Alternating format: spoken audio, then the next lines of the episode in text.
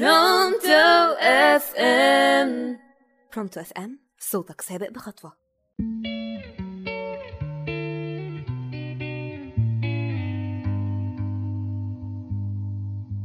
يا مساء الخير أو صباح الخير على كل مستمع برونتو أف إم من كل مكان. إزيكم؟ عاملين إيه؟ يا رب تكونوا كويسين وزي الفل. أهلا بيكم في الحلقة التانية من برنامج وفيها إيه يعني؟ معاكم سارة شعبان من راديو برونتو أف إم وصوتك سابق بخطوة.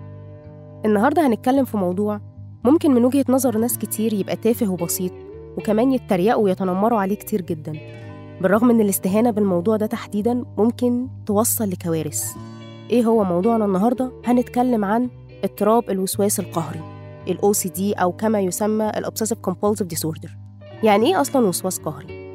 الوسواس القهري ده هو عبارة عن مجموعة اضطرابات أو هلاوس أو أفكار كلها ليها علاقة بالقلق بس الفكرة إن المخاوف دي ما بتبقاش منطقية بالمرة. يعني تخاف من حاجات هي ما تخوفش في العادي. مش بس كده المخاوف دي بتخليك تعمل تصرفات قهرية تأذي بيها نفسك. زي إيه؟ إن مثلا حد بيخاف يسلم على حد لمجرد إنه يخاف يتعدي منه. طيب الشخص ده أصلا مش عيان هو عنده خوف من الموضوع ده. حد تاني يخاف يلمس أي حاجة حد لمسه قبلها. آه زي الحنفية زي أكرة الباب زي كرسي ممكن يقعد عليه. حد تاني ممكن يتعصب لو شاف حاجة مش محطوطة في مكانها ويتعصب بالمعنى الحرفي للكلمة مش مجرد إن هو يتضايق لأ. حاجة كمان زي الخوف المرضي على الأطفال وده بالنسبة للأب أو للأم مش مقتصر على الأم وبس. فالأعراض دي بتبقى عبارة عن أفكار وتخيلات متكررة وفي نفس الوقت هي أفكار لا إرادية مش بيقدروا يسيطروا عليها وبعيدة كل البعد عن المنطق. زي ما قلنا الأمثلة اللي ذكرناها في كمان أمثلة زي إن حد يحس إن هو مطمن لما كل شوية يغسل إيديه. حد تاني عنده طول الوقت فكرة إنه نسي يقفل الباب قبل ما ينزل. واحدة تانية نسيت تطفي الفرن. طول الوقت هي عندها الفكرة دي. مع إن هي بتبقى طافياه وقافلاه ومتأكدة كويس جدا بس هي عندها الفكرة دي طول الوقت. طيب الناس دي نتعامل معاها إزاي؟ أو إيه أصلا اللي يعرفنا إن الشخص اللي قدامنا ده عنده وسواس قهري؟ مش مجرد حالة طارئة وهتعدي؟ لحد دلوقتي مفيش مسببات واضحة لمرض الوسواس القهري. لكن النظريات أثبتت إن في ممكن شوية عوامل هي اللي تؤدي للوسواس القهري ده. زي إيه؟ العوامل البيولوجية زي الجينات الوراثية التاريخ المرضي للعيلة. لو في عيلة فيها أكتر من شخص اتصاب بمرض الوسواس القهري بتبقى احتمالية إصابة الأشخاص التانية أعلى شوية من العائلات العادية. في عوامل تانية بيئية زي العادات والتصرفات اللي ممكن نكتسبها بالوقت. في حاجة كمان زي هرمون السيروتونين الهرمون اللي مسؤول عن السعادة. الهرمون ده لو فيه أي نقص أو خلل حصل فيه ممكن بيبقى أحد مسببات الاضطراب الوسواس القهري. في حاجات تانية زي الضغط والتوتر الزايد عن اللزوم إن حد يبقى طول الوقت بيفكر نايم قايم صاحي قاعد بياكل بيشرب بيفكر. حاجة كمان زي فترة الحمل.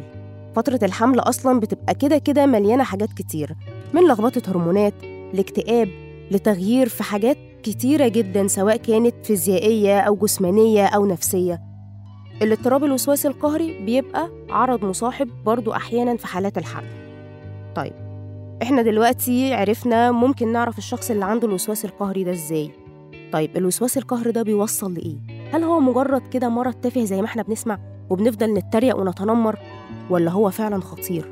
لأ المرض ده فعلا خطير ولازم إن إحنا نواجهه ونعالجه وأكبر دليل على خطورة المرض ده إن السينما والتلفزيون اتكلموا عنه طول الوقت أو بيتكلموا عنه كمان طول الوقت.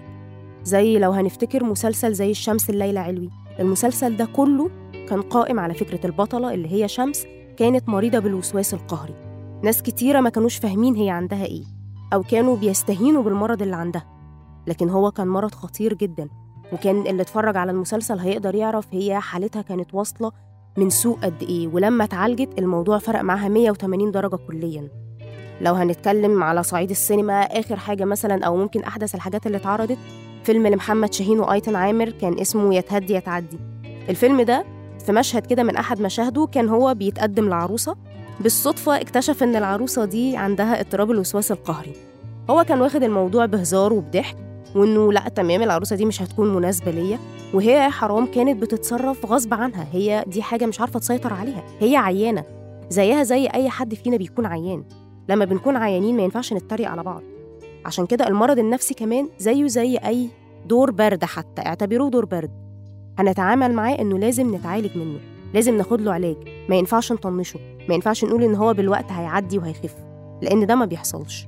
والدليل على كده إن المضاعفات بتاعته بتأدي فعلا لكوارث زي الأفكار الانتحارية الإدمان على الكحوليات إن أنت تتصاب أصلا بأمراض جديدة يبقى ليها علاقة بالقلق إن يجيلك اكتئاب التهابات في الجلد نتيجة الغسيل بالمية عمال على بطال تبقى علاقتك عدوانية بالناس أيوة طيب وبعدين يعني المرض ده ليه علاج ولا ملوش؟ لا هو الحمد لله ليه علاج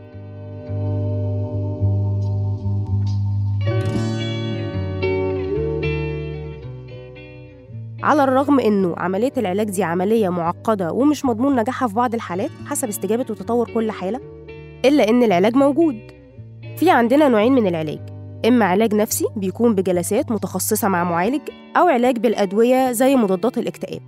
لكن الدراسات أثبتت إن الطريقة الاكثر فعالية هي اللي بتدمج ما بين النوعين الجلسات النفسية ومضادات الاكتئاب. الطريقتين مع بعض هما الاكثر فعالية. وفي حاجة اسمها المعالجة المعرفية السلوكية. دي برضو نوع من العلاج بتبقى فعالة جدا في علاج الأطفال وكمان البالغين. طيب إحنا قلنا العلاج. يا ترى في طرق للوقاية؟ آه في. زي إيه؟ إن أنت تتوقع الحاجة اللي مش متوقعة دايما. فكر بره الصندوق خالص وتوقع حاجات مستحيل إن هي تحصل. تاني حاجة بطل تلوم نفسك على كل حاجة. رقم ثلاثة ما تفكرش كتير في حاجات غالبا مش هتحصل. وآخر حاجة ما تضيعش وقتك عشان تتخلص من حاجة هي أصلا ما حصلتش. وكالعادة خلصت حلقتنا بسرعة.